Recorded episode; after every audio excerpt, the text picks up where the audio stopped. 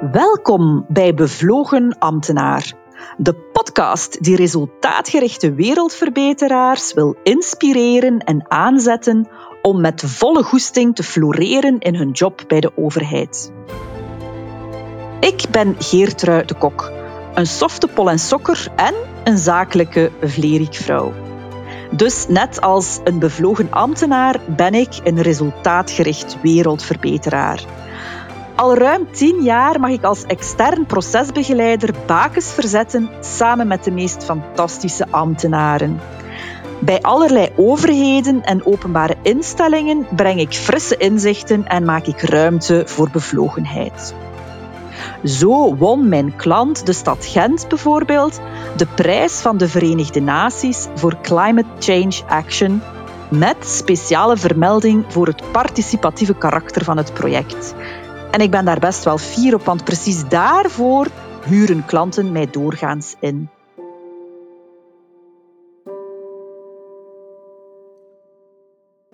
Misschien vraag jij je wel af wat doet de voorzitter van een politieke partij in de podcast Bevlogen Ambtenaar. Wel, laat je verrassen. Ik ga niet in gesprek met de voorzitter van Open VLD. We hebben het niet over nationale politiek en al zeker niet over partijpolitiek, want daar doen wij niet aan bij Bevlogen Ambtenaar. Ik ga in gesprek met de eerste schepen van de gemeente Merelbeke. Want in die hoedanigheid kruisen onze paden. Vanuit mijn participatiewerk binnen Levuur. Egbert vertelt wat hij uit dat traject en onze samenwerking leerde. En zonder het zo te benoemen, surft het gesprek op de stappen van Sisu. Jawel, Fins zelfleiderschap. Deze aflevering gaat over hoe Egbert Lachaert energie haalt uit samenwerking in complexe situaties en daar ondanks moeilijkheden toch resultaat mee boekt. Jawel, jawel, dit ruikt naar Sisu. Hij heeft het over zijn drijfveer, waarom hij doet wat hij doet. Het gesprek ging trouwens door in het nagelnieuwe woonzorgcentrum Berkenhof in Merelbeke. En ik kan zeggen, zijn ogen blonken als hij vertelt over de samenwerking in ouderenzorg die hij in de regio mee tot stand bracht. Niet in het minst samen met bevlogen ambtenaren. Ik wilde deze door de wol geverfde politicus graag voor mijn micro, omdat ik benieuwd ben naar hoe hij kijkt naar die samenwerking tussen politiek en ambtenarij. Ik ben dan ook blij met de tips die hij op het einde van het gesprek meegeeft, helemaal uit zijn ervaring en zijn praktijk. Ik moet het niet onder stoelen of banken steken en jou waarschijnlijk ook niet vertellen dat die samenwerking vaak de oorzaak is van veel energieverlies en frustratie. De gesprekken en uitwisselingen die er altijd zijn in mijn groepen van het bevlogen netwerk, dus allemaal ambtenaren van verschillende overheden die samen in een bevlogen netwerk samenkomen, die bewijzen nogthans dat het geen energy drain moet zijn. Dat je veel meer in de hand hebt dan je in eerste instantie denkt. Ja, ook in die samenwerking politiek-ambtenarij. En ook al is het niet evident, het is echt prachtig om te zien hoe die gelijkgestemde ambtenaren van alle verschillende overheden elkaar in dit bevlogen netwerk inspireren en aanzetten. En misschien wil jij dit najaar en deze winter ook meer floreren in je job bij de overheid. Meer impact en goesting hebben met je harde werk. Een netwerk waar je echt iets aan hebt en echt stappen zetten. Wel, dan is het bevlogen netwerk misschien wel iets voor jou. En het goede nieuws is, op 9 november start de wintergroep. Wees er snel bij, want de groepen zijn altijd klein. Je vindt alle informatie in de show notes en op www.bevlogenambtenaar.be. Je klikt door naar aanbod en daar naar wintergroep Bevlogen Netwerk. Maar nu, eerst en vooral, veel inspiratie gewenst met Egbert Lachaert. Ik ben geen bevlogen ambtenaar, uh, misschien wel bevlogen politicus, uh, maar ik werk natuurlijk heel nauw samen met, uh, met heel veel ambtenaren. Ik ben oorspronkelijk in de advocatuur begonnen als jurist, maar dan in de politiek gerold en heel veel goede ambtenaren leren kennen die bevlogen zijn, geëngageerd. En als je het op een goede manier samen doet, als politiek beleid met, met ambtenaren, kan je heel ver raken. Dus nee, ik ben geen, zelf geen bevlogen ambtenaar, maar ik werk heel graag met bevlogen ambtenaren. Voilà, voilà, voilà. Maar toch wel hè, geen ambtenaar, politicus in de publieke sector toch wel terecht. Je had even ook kunnen advocaat blijven. Hè. Wat maakt dat je toch wel voor die, dat maatschappelijke, die, die, die publieke sector bent gegaan? ik heb uh, lang beide engagementen wat gedeeld of, gecombineerd. Dus uh, ik ben na mijn uh, rechtenstudies begonnen als advocaat, maar altijd vrijwillig engagement opgenomen om, om te schrijven over politiek, over hoe de samenleving beter zou kunnen zijn en wat uw, uw eigen idealen en overtuiging daarin zijn veel over gelezen, veel over gediscussieerd. En, uh, ja, was, je, was je ook al politiek actief in je studententijd? Ja, ja, ik was toen uh, actief in de studentenbeweging, de liberale studentenbeweging. En het laatste jaar van mijn rechtenstudies ben ik dan voorzitter geworden nationaal van de liberale studenten. Dus ook tijdens mijn studies was ik er al mee bezig. Heel veel debatten georganiseerd met politici op dat moment, uh, met andere stemmen over actuele thema's. En uh, dat blijft nog altijd een, uh, een vorming, een soort ruggengraat die je meedraagt in je engagement. Want daar heb ik wel mijn ideeën en mijn overtuigingen gevormd. er is geen enkele discussie meer, politiek, ik ga niet zeggen dat er geen enkele discussie meer is die mij nog kan overvallen, maar je hebt alle debatten wel al eens gevoerd op een bepaald moment. En dat dateert eigenlijk al uh, van dan. Uh, en op een bepaald moment is mijn hobby mijn job geworden. Uh, ik heb dat lang met advocatuur gecombineerd, mhm. veel vrijwilligerswerk gedaan, maar dan na tien jaar wat ik miste in mijn, mijn job als advocaat was toch samenwerken in team. Want dat doe ik mhm. heel graag. Mhm. En advocatuur blijft nog altijd een job voor redelijk individueel ingestelde uh, mensen. Uh, het is een advocaat met zijn cliënt, maar weinig teamwork. En dat heb ik echt wel nodig om goed te kunnen functioneren. En uh, tweede is dan maatschappelijk engagement. Je kunt wel je job doen, maar zo dingen beter maken in de samenleving met anderen dat is enorm uitdagend. Dat is eh, zo multidimensioneel. Uh, een job doen en daarvoor uh, uw boterham verdienen is één zaak. Maar teams laten samenwerken in zeer complexe situaties, zoals een samenleving vandaag in elkaar zit, en dan zaken vooruit laten gaan, heeft zoveel dimensies. En vind ik voor mij zeer uitdagend en, en inspirerend. Uh, ik moet mezelf dan ook altijd scherp houden om daarmee bezig te zijn. Dus ja, ik had dat wel nodig om dat maatschappelijk engagement echt op te nemen. En, en zo ben ik daarin terechtgekomen. Ja, ja, de meeste mensen kennen u natuurlijk als partijvoorzitter van Open VLD. Maar wij kennen elkaar op een andere manier. Hè? Misschien kan je eens vertellen, hoe, hoe kennen we elkaar? Well, we hebben een achtergrond in dezelfde gemeente, uh, familiaal in, Merelbeke, een, een mooie gemeente uh, in de zuidrand van Gent uh, met 25.000 inwoners. En we hebben eigenlijk een heel mooi project gedaan, het, het, begin van deze legislatuur, deze beleidsperiode. Ehm, ik ben toen schepen van burgerparticipatie geworden. Ehm, en ja, toen heb ik toch op tafel gegooid in het college van kijk, we gaan een beleidsplan schrijven voor de komende zes jaar. En meestal sluiten we ons dan eens op voor een weekend. Uh, en dan beginnen we over cijfertjes te discussiëren. En iedereen wil dit project doen en een ander project. En daar wordt een beetje koehandel rondgevoerd. Um, en nu ik zeg, ja goed, die burgerparticipatie, daar kunnen we eigenlijk meer mee doen. Want um, als je niet nu van in het begin een stuk participatie toelaat, ja, dan is alles geschreven en is burgerparticipatie eigenlijk een beetje window dressing achteraf om over punten en commas uh, te discussiëren. Dus waarom zouden we met ons beleidsplan niet de boer optrekken en uh, sommige grote lijnen zijn politieke akkoorden. Dan moet ik eerlijk zijn. Bijvoorbeeld, uh, wij als liberalen wilden echt de belastingen verlagen. Er was ook geld voor. We zijn daar ook eerlijk in geweest in ons participatief traject. Dus, dus oké, okay, daar moet je eerlijk over zijn. Dat zijn zaken die een coalitie binden. Een aantal rode lijnen van, kijk, sorry, uh, we zijn naar de verkiezingen getrokken. We hebben beloofd aan de mensen dat we de belastingen gingen verlagen en, en, en dat we een sportpark gingen bouwen. Dus er zijn een aantal principes die vastgelegd worden. Maar daarnaast is nog heel veel ruimte op dat moment. En dan hebben we eigenlijk een tour gedaan van alle deelgemeenten met een eerste aanzet van een beleidsplan. We hadden werkgroepen gemaakt die een eerste beleidstekst hadden gemaakt. En met die tekst, die principes, zijn we de boer opgetrokken. En dat project heb jij mee met ons uh, begeleid. En uh, het was de eerste keer dat we dat deden, dus we hadden daar wel een stuk begeleiding in nodig. Maar ik moet zeggen, hetgeen wat ik uit die oefening geleerd heb, is tot op vandaag voor mij heel nuttig. Eén, dat klikte ook heel goed, denk ik, in jouw manier van modereren en, en hoe ons bestuur en ik zelf er dan mee omging. Eh, ik denk dat we daar allemaal als bestuurs, bestuurders uit geleerd hebben. Eén, die eerlijke communicatie, je zei het daarnet al, mhm. een stuk van de zaken waren beslist dan moet je dat ook gewoon eerlijk zeggen in zo'n vergadering. En de zaken die ter discussie zijn, daar begint men zich dan op te focussen. En je begint participatie te creëren in een juist frame. Uh, je moet geen frame creëren dat niet klopt of dat je achteraf niet kunt waarmaken, maar binnen het frame waarvan dat je weet dit is uh, bespreekbaar. Daar konden mensen echt aan meedenken. Um, en wat ik ook heel goed vond in de begeleiding die je ons gegeven hebt, is dat je ehm, participatie is in twee richtingen, maar toch wel met een goede feedback onmiddellijk. Weet je, als iemand komt met een idee dat toch wel betwistbaar is, moet je dat eigenlijk ook onmiddellijk in de groep kunnen gooien. Ja, weet je, er is wel een tegenargument dat, maar wat denken jullie daarvan?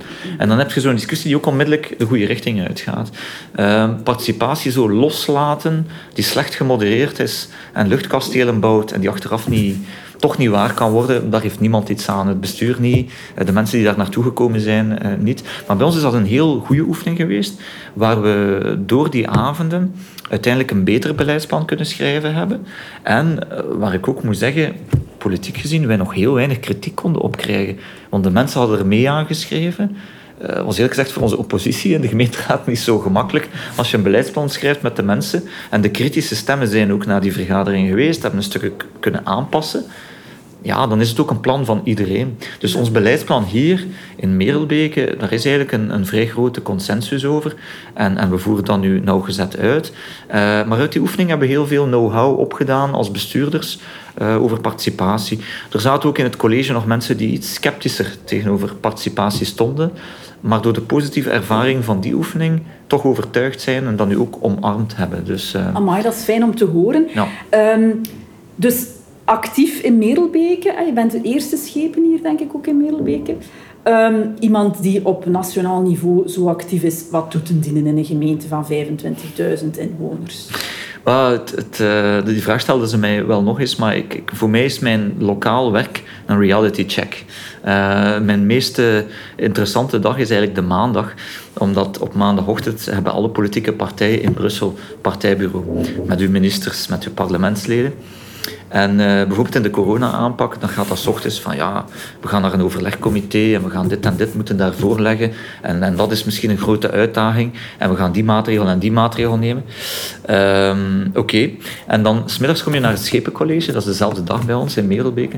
En dan hoor je hoe dat, dat concreet gaat toegepast worden in de realiteit. En uh, dat is altijd uh, zeer interessant om die link te zien, waarbij je dan ochtends soms theoretische concepten hoort en in de middag hoe ze in de praktijk uitdraaien. Um, ik ben ook nog voorzitter van een zorgbedrijf, een publiek zorgbedrijf, dat we opgericht hebben in Merelbeke met, met vijf besturen. Ja, die ouderenzorg heeft natuurlijk in het vuur gelegen, enorm moeilijke situatie geweest dat mandaat was heel interessant om echt op het veld te staan van wat gebeurt er in onze woonzorgcentra, wat gebeurt er met oudere mensen die COVID krijgen. Um, dus ik wil dat eigenlijk, het kost mij veel energie om het te combineren, maar ik wil mijn lokaal werk niet loslaten omdat ik er veel uit leer en ook veel uit meeneem naar Brussel. Mhm. En eigenlijk daar soms met meer gezag kan spreken door het feit dat ik uh, die lokale ervaringen heb. Mooi, mooi. Ja, ja interessant om het zo een keer te hebben over eh, waarom, je hebt het voor een stuk al aangehaald, al van, van, van in je studententijd, al, al actief, uh, maar eh, waarom dat je ervoor kiest om in dit soort van uh, publieke functie actief te zijn. je, je had het daarnet al over het zorgbedrijf. misschien is dat een, een mooi voorbeeld om, om je drijfveer, wat, wat maakt dat hier zo we zijn hier trouwens ook in, dit, eh, in een woonzorgcentrum waar dat jij voor de vernieuwing eh, mee hebt ingestaan. Mhm. Kan je ons daar iets over vertellen en dat linken met, met waarom dat je doet wat dat je doet? Op zich, als liberaal geloof ik wel in de vrije markt natuurlijk. Hè. Dus voor mij het vrije initiatief is, is heel belangrijk. Maar een sterke publieke sector gaan we altijd nodig hebben, omdat de markt niet alles doet. Uh, de markt doet heel veel, er is heel veel vrij initiatief, maar er zijn maatschappelijke noden die niet vervuld worden door een private sector. En die ouderenzorg is daar eigenlijk een, een heel mooi uh, voorbeeld van waar de balans uh, moet liggen. Um, ik ben natuurlijk voor sociale ondernemers die, die initiatieven nemen om ouderenzorg te ontwikkelen. Maar ik zie een enorme nood groeien aan uh, zorg voor ouderen. We hebben een vergrijzende bevolking die altijd maar meer nodig gaat hebben. En private aanbieders en, en mutualiteiten gaan er niet in slagen om dat, die taak aan te kunnen. Dus in onze gemeente zien wij bijvoorbeeld ja, een woonzorgcentrum. Als wij het niet ontwikkelen, zal het er ook niet zijn. En als het er zal zijn, zal je nog moeten zien aan welke prijs. En moet het ook nog voor iedereen toegankelijk zijn. En moet de kwaliteit uh, er ook nog zijn. Dus uh, ik was de vorige legislatuur OCMW-voorzitter. En toen moesten alle OCMW's integreren in, in stad of gemeente. En onze gemeente had wel redelijk wat dienstverlening in ouderenzorg. En de gemeente rond ons ook, en de provincie ook. En toen hebben wij als Merelbeek het initiatief genomen als we al die zorgdienstverlening in de gemeente moeten integreren, gaat dat eigenlijk een stukje verloren gaan. Dat is eigenlijk een specifieke taak waar een scheepcollege geen ervaring mee heeft. We gaan een eigen know-how die er niet is. En dat zou een bijkomstigheid zijn voor zo'n scheepcollege. Een scheepcollege is bezig met, met wegen, met, met uh, openbare werken, met ruimtelijke ordening, met, met vrije tijd. Maar zorg uh, voor ouderen is zo specifiek dat je dat moeilijk aan een college kan vragen om dat tussen de soep en de patatten erbij te nemen. Dus wij vonden het dan beter om het te gaan verzelfstandigen. En we hebben een welzijnsvereniging opgericht, puur publiek, geen private partner, met alle bestuur rond ons. We hebben ze allemaal uitgenodigd. Hoeveel gemeenten waren dat dan? Het waren, we hebben er vijf uitgenodigd van in het begin. Er is eentje afgehaakt. Uh, we hebben er vier overgehouden en de provincie is er ook uh, bijgebleven met een heel zorgcentrum waar een revalidatiekliniek nog bij zat. Uh, en we hebben eigenlijk de uitnodiging uitgebracht van kijk, jullie zitten allemaal wat in dezelfde situatie. Op zich moet dat integreren maar we vinden dat niet de beste oplossing. Als we nu de handen zouden samenslaan met die publieke dienstverlening voor ouderenzorg, kunnen we onze know-how veel beter delen. Dus een, eh, personeel vinden, gigantische uitdaging in die sector. Kwaliteit bieden als je geen personeel genoeg hebt, is een zeer groot probleem. Uh, nieuwe nieuwbouw die we moeten doen. We zitten hier aan een prachtige nieuwbouw in Merelbeek, een pareltje van ons zorgbedrijf. Uh, om zoiets te bouwen heb je ook een bepaalde know-how en kennis nodig. Materiaal aankopen. Als je het samen doet, kun je het eigenlijk goedkoper doen. Dus er zijn veel zaken die je samen kan doen en die veel professioneler gaan werken. Dus we hebben iedereen uitgenodigd. Heeft twee, drie jaar weggekost om draagvlak te creëren. Ben alle scheepcolleges moeten gaan zien. Uh, maar samen met een, een, fantastische ambtenaar die, die wij in ons midden hadden, Peter den Dove, om hem niet te noemen, uh, hebben we dat eigenlijk uh, ja, kunnen oprichten, een draagvlak rond creëren, een mission statement schrijven, waar iedereen door begeesterd was. En vandaag is het er, werken we samen en we mogen verdorie heel blij zijn dat het er was in die COVID-crisis, mm -hmm. waar we in het begin allemaal geen mondmaskers hadden, hadden wij door onze samenwerking met een ziekenhuis wel materiaal. Uh, mensen, personeel viel uit. En wel, de andere woonzorgcentra konden komen helpen waar er een uitbraak was. Hadden we er alleen voor gestaan, gingen we veel, veel zwakker geweest zijn tot, tot rampen toe. Uh, die samenwerking uh, over die publieke dienstverlening heeft ons enorm versterkt. En uh, ik denk dat vandaag iedereen de meerwaarde ziet van, van samenwerking op als. Als ik het zo goed hoor, ik zie je oogstjes ook blinken als je het hebt over samenwerken. Zo, je drijfveer is echt samen meer kunnen realiseren? Of wat zou Ja, je als je drijfveer Ik, eh, ja, ik krijg daar een enorme voldoening van. En je ziet dat inderdaad ook wel aan, aan mij als ik over zoiets praat. Allee, één, het concept hier van het project. Ja, ik heb dat van scratch gezien. We zijn andere projecten gaan bezoeken. En nu is hier een nieuw woonzorgcentrum. Dat is altijd leuk. Maar het, het zorg, de zorgbandlei en Schelde, ons, ons zorgbedrijf, is voor mij wel een geesteskind. Het heeft enorm veel energie gekost om alle krachten die er tegen konden zijn... En je kunt altijd redenen vinden om tegen iets te zijn, uh, om die allemaal te overwinnen. Uh, maar ik heb daar een beetje mijn stijl in om dat te doen. Ik ben geen autoritair leiderstype, dat ben ik niet. Uh, maar ik kan wel mensen heel goed lezen en inschatten waar ze op de rem gaan staan en waarom. En dan ga ik er vaak individueel mee praten om dat in te schatten. En dan moet je al die zaken detecteren en individueel proberen wegmasseren of daar een antwoord op geven. Of ze soms, en de tweede, tweede wat je moet doen, is hen wel kunnen begeesteren met iets waar ze nog niet onmiddellijk aan gedacht hebben. En dat ze zeggen, ja, hier zit wel een visie in waar ik toch mijzelf een stuk in herken en waar ik durf springen. Misschien ook iets dat groter is dan wat dat ze alleen zouden kunnen doen. Ja, ja. Je gezamenlijke visie, hetgeen dat Ja. je verbindt, dat dan... Ja, maar bij velen was dat ook net een rem, want als je gaat samenwerken... Mensen hebben van traditioneel de neiging, zoals ik het aan het doen was, was het goed. Oké, waarom zou ik veranderen? Waarom zou ik het veranderen? En de tweede vraag die ze zich vaak stellen, het is heel stom, maar misschien blijkbaar diep menselijk. Wat betekent dat voor mij hier als persoon? Ga ik er nog iets over te zeggen hebben? Gaat mijn job hier verdwijnen? Dat zijn zo van die zaken die je moet wegnemen op voorhand. Het begon met, met het personeel integreren van verschillende entiteiten. Vandaag zijn we een organisatie met 900 personeelsleden. Die komen van vijf entiteiten. Al die mensen zijn van in het begin bezorgd over hun toekomst. Wat gaat dat hier Ja, geven? Ja. dus ook daar is goede participatie van belang. Dat je van in het begin, voordat ze zich beginnen zorg maken, Mhm. eigenlijk open kaart speelt Ja. en dan een stuk geruststelt. Ja. Van ik ga voor jullie zorgen. We doen dit eigenlijk voor jullie. We doen dit voor de kwaliteit en we doen dit voor de toekomst, ook voor jullie toekomst. Eh, pas op, mensen zijn wantrouwig daarin in het begin. Met beleidsdragers was dat een heel moeilijk proces van het afgeven van macht.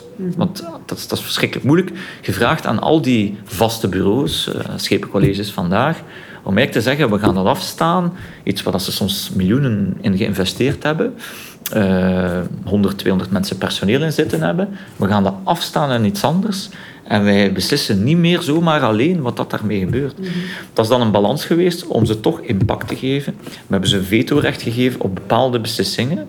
Maar als je het op een goede manier aanpakt, wordt dat vetorecht nooit gebruikt. Maar we hebben ze gerustgesteld door te zeggen... Het is er wel, moest het Als het echt over de hyperbelangrijke zaken gaat, wat dat wij op uw grondgebied komen doen en aanbieden, dagprijzen die zouden stijgen, dan gaan jullie nog altijd onze sluitend advies moeten geven. Maar iedereen volgt onze lijn die, die we leggen. Ja. Dus je moet ze soms geruststellen, maar dat zijn allemaal zo... Als je zo'n project begint, moet je goed in kaart brengen. Je moet eerst zelf weten wat je wilt.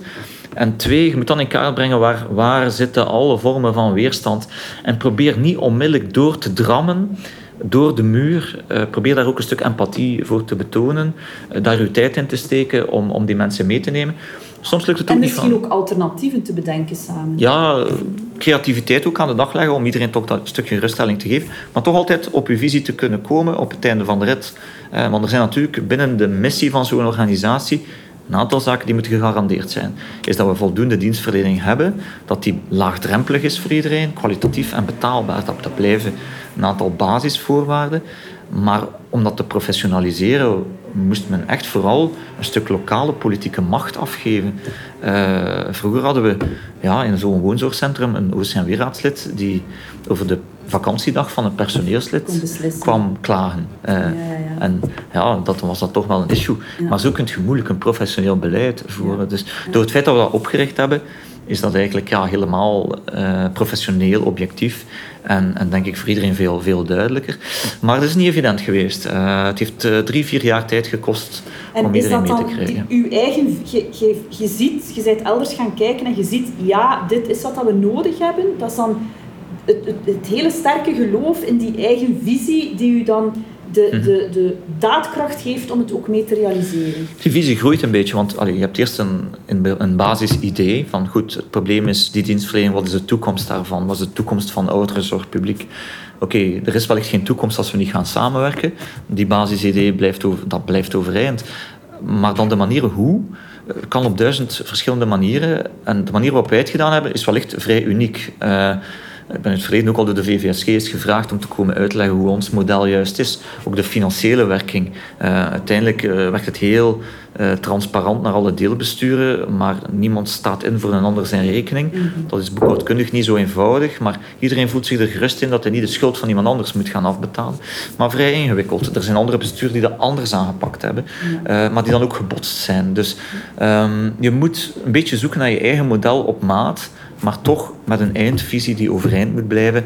Professionalisering, kwaliteit van dienstverlening die, die je wilt bieden. Ja, voilà. Oké, mooi. Je had het net al over de bevlogen ambtenaar waarmee dat je dit samen hebt kunnen doen. Samenwerking met, uh, met ambtenaren. Ik merk vaak in mijn dagelijkse praktijk dat dat soms een lastige kan zijn. Ik hoor soms politici die zeggen, ja, ze willen niet mee en ze zijn traag en ze zijn... Hè, en dan omgekeerd hoor ik dan van ambtenaren die zeggen, ja, maar dat verandert hier om de zoveel tijd en we moeten wij maar mee met de wind. En, en hè, ik ben het een beetje op flessen aan het trekken. Maar ik zie ook echt wel dat daar het grote, de grote mogelijke doorbraak zit. Wat is voor jou, hoe kijk jij daarnaar, naar die samenwerking tussen dat politieke niveau en dat ambtelijk niveau? Wat is voor jou, hoe, hoe, hoe is jouw visie daarop? Ik denk dat die veel geëvolueerd is door de tijd heen, de laatste tijd, omdat je um, op ambtelijk vlak heb je een enorme professionalisering gekend de laatste 10, 20 jaar. Um, het ambtelijke is, is volledig terecht neutraal politiek, uh, met examens, met toch wel degelijke know-how en competenties die in de ambtenarenapparaat gekomen zijn. Uh, het aantal ambtenaren van hogere niveaus is ook gestegen. Dus binnen een ambtelijk apparaat is gewoon de know-how en kennis, denk ik, de laatste jaren enorm toegenomen. Maar staat daar tegenover dat in, op het politieke niveau aan politiek doen steeds moeilijker geworden is. Ehm, het is absoluut niet evident om vandaag politicus te zijn wat er allemaal naar uw kop krijgt. Uh, er is een krapte op de arbeidsmarkt, dus heel veel mensen hebben zo de neiging van, weet je, waarom zou ik heel mijn privéleven om zeep helpen, uh, geen tijd meer hebben om, om nog iets leuk te doen en al die shit elke dag op mijn kop uh, krijgen en in die politiek stappen. Ik zou beter gewoon mijn job doen en in het weekend gaan fietsen. Um, dus uh, politiek, denk ik, een beetje het meer het risico op bloedarmoede. Um, plus, ja, er zijn minder schepenen, minder leden in het schepencollege.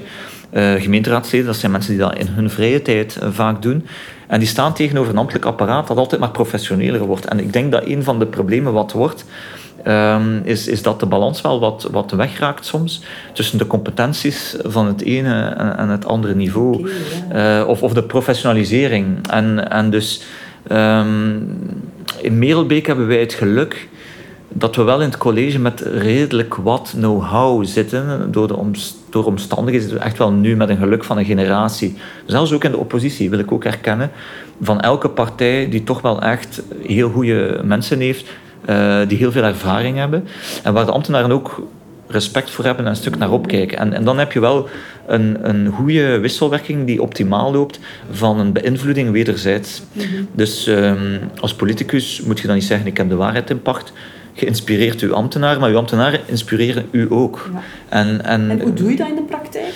Ja, dat is vaak dat is met elkaar praten. Hè. Maar dus, uh, je ziet vaak een uh, leidend ambtenaar met zijn team plots met een idee komen. En ze komen de aftoetsen bij de schepen of bij de burgemeester. Uh, en soms is dat een goed idee, of soms zegt je nee, dat is niet goed. Want uh, eigenlijk vind ik dat je dat zo, zo en zo moet doen, om die en die reden. En als daar goede argumenten zijn, dan snappen, dat team dat ook. En dan beginnen die bij te sturen en gaan die een keer opnieuw nadenken en gaan die bijsturen. En zo komt je op het einde van de rit tot een synthese. Ja. En dat is eigenlijk het beste, eerlijk gezegd, tot hiertoe. Ik ben nu uh, acht of negen jaar uh, schepen. Um, ik heb het altijd al zo kunnen doen met leidende ambtenaren die met eigen ideeën komen. Uh, ik verwacht dat ook, dat ze met ideeën komen. Ze, uh, ze, krijgen ook van mij autonomie. Ik ben geen micromanager, totaal niet. Uh, ik weet dat sommige politici zich daar ook wat schuldig aan maken, wat dan ook een spanningsveld oplevert. Ik ben geen micromanager. Ik verwacht ook visie van de ambtenaren. En ze moeten aan mij inspiratie, van mij inspiratie vinden. en komen aftoetsen van, kijk, we willen dit starten, ja of nee? Is dit goed? Of moeten we dat nog bijsturen of niet? En daar moet je kunnen zeggen, we gaan naar links, we gaan naar rechts gestuurd. Dat, dat is uw taak als bestuurder. Mm -hmm. En je geeft ook zelf soms ideeën aan. Uh, en als je zelf ook veel interessante dingen elders gezien hebt, kun je ook aan je ambtenaar zeggen, moet ik dat beginnen bekijken. Dat zou echt een meerwaarde zijn. En, uh, dus je moet inspirerend leiden, dat werkt eigenlijk het, het beste, denk ik. En dan een consensus brengen. Maar ja, er wordt ook vaak in de val getrapt van politici die micromanagen en eigenlijk een stuk leidinggevende van een dienst gaan, gaan spelen. Dan neemt je natuurlijk ook de motivatie compleet weg van uw leidende ambtenaren. Ja. Um, Jullie hebben daar ook op, op ingezet, hè, door zo'n teamdag van hoe kunnen we ja. samenwerken. Ik denk dat dat ook wel een mooi voorbeeld is. Ja, dat, dat klopt. Uh, dus we hebben onlangs een, een teamdag gehad. Uh, gewoon na een post-corona en, en, twee jaar na het begin van de legislatuur, uh, of twee jaar en een half. En, uh, waar we nu het college en het MAT, dus het managementteam, uh, waar op zich goede verhoudingen zijn, maar er zijn altijd toch zo van die zaken uit te praten. Van dat dossier vond ik eigenlijk dat de ambtenarij al met een eigen politiek plan kwam en niet wou bijsturen, ondanks het feit dat het college een ander idee had. Uh, of ambtenaren die zeiden, ja, maar dat vond ik nu geen professionele reactie, want ik moest naar mijn personeelslid X dit doen en een schepen trad daarin en begon in te breken. Dat zijn dingen die je moet kunnen uitspreken met elkaar op een open manier ja. uh, en daar ook over praten. Maar dat zijn traditionele zaken die gebeuren. Uh, allee, ook bij ons loopt het soms fout. ik heb mij ook wel eens geërgerd aan, aan iets wat, wat op tafel gelegd wordt vanuit de administratie waarvan dat men eigenlijk weet dat daar geen fiat over is. Eigenlijk is dat dom. Want als, als je dat doet, je weet dat al het werk dat je erin gestoken hebt, toch de vuilbak ingaat. Dat heeft voor niemand zin. Dus communicatie op voorhand, elkaar inspireren, met elkaar praten. Wat is dan praten. tip? Werk het niet helemaal uit, kom aftoetsen. Ja. En, en ik, de... ik, ik, denk dat je als ambtenaar ook niet je tijd moet verspillen als je weet dat er ook niets van komt. Uh, of het niet gaat uitgevoerd raken. Dat is voor jezelf ook achteraf maar een negatieve ervaring. Maar ik, ik denk dat je op voorhand proactief bij leden van je college draagvlak kunt creëren voor bepaalde ideeën. En daar soms een beetje moet aan polijsten, wat aan afveilen, om te zien van kijk, nu heb ik iets dat nog altijd overeenstemt met wat ik achter sta, waar we een stap mee vooruit zetten.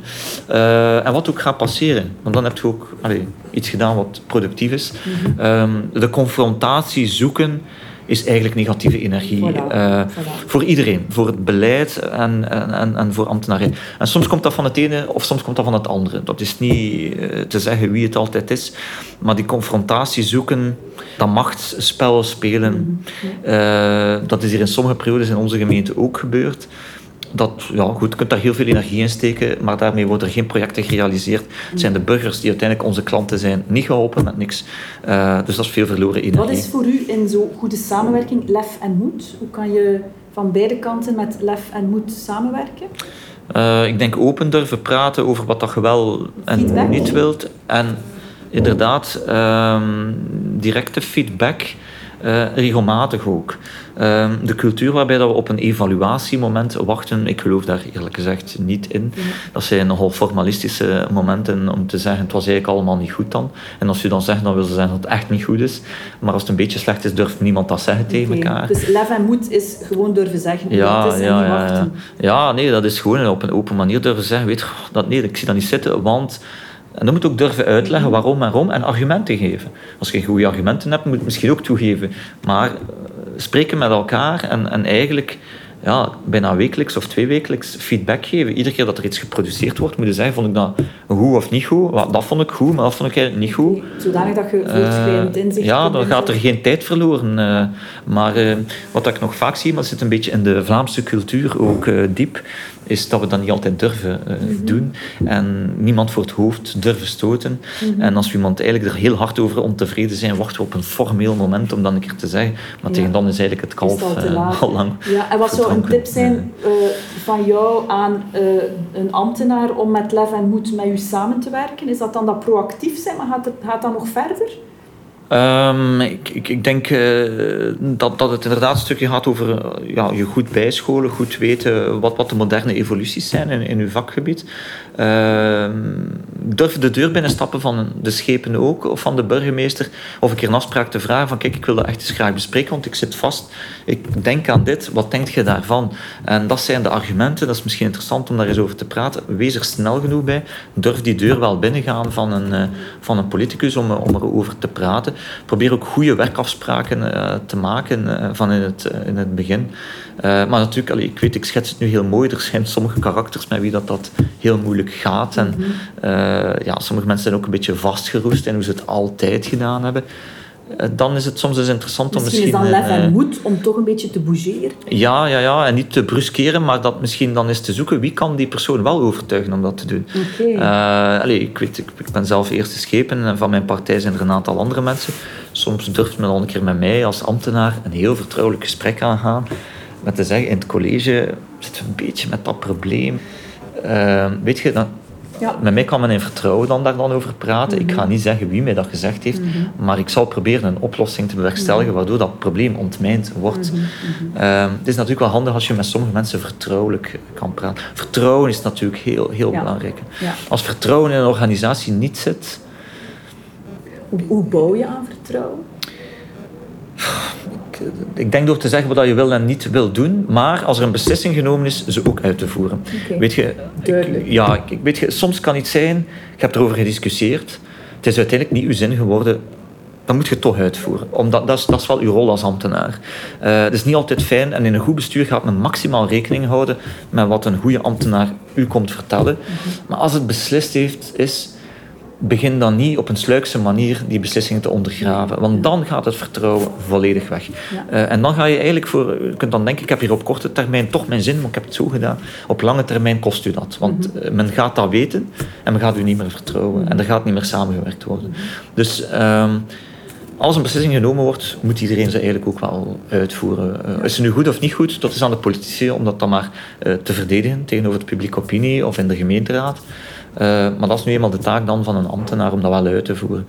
Uh, ik denk soms waar ik het in, dus in, in, de richting politiek naar ambtenaren fout zie lopen qua vertrouwen, is dat ze dat meegemaakt hebben. Dat, ze, dat er iets beslist was, of dat ze heel duidelijk hadden aangegeven dat ze dat niet wilden, en dat het toch anders gebeurt. Als politiek aangegeven ja. dat je niet wilde en dat het dan ja, en dat, gebeurt, dat, dan, dan maakt je een breuk in het vertrouwen die ja, die, die echt niet goed is. Nee. Uh, dus dus allee, vanuit de politiek is er een kant om zo goed mogelijk te luisteren, feedback mee te nemen, inspirerend leiderschap te geven, mm leiderschap te geven en niet aan micromanagement te gaan doen, waardoor dat je leidinggevende of ambtenaren hun taak uit verholt. Maar vanuit de administratie, het ambtelijke, is er wel de taak om loyaal uit te voeren wat er beslist is. Mm Ook al is dat eigenlijk niet, niet helemaal wat je wil. Ja. Uh, omdat anders doorbreekt je het vertrouwen. Oké, okay, mooi. Dank u wel, Egbert, voor dit uh, boeiende gesprek. Graag gedaan. Nog veel succes. Dank u. Dat was het voor vandaag. Ik ben heel benieuwd wat jij van deze aflevering vond en welke inzichten en inspiratie jij eruit hebt gehaald. Vond je het waardevol? Dan wil je de volgende afleveringen waarschijnlijk niet missen. En dan kan je je abonneren op de podcast in iTunes, Spotify of Google Podcasts. Luister je via Apple, dan maak je mij heel blij door een review te schrijven over deze podcast. Wat je ook kan doen, is hem gewoon doorsturen naar jouw collega's, bevlogen ambtenaren, die er volgens jou ook echt iets aan zouden hebben. En wist je trouwens dat Bevlogen Ambtenaar ook een gratis nieuwsbrief heeft? Surf naar www.bevlogenambtenaar.be en op de homepage vind je de knop om je te abonneren. Tot de volgende!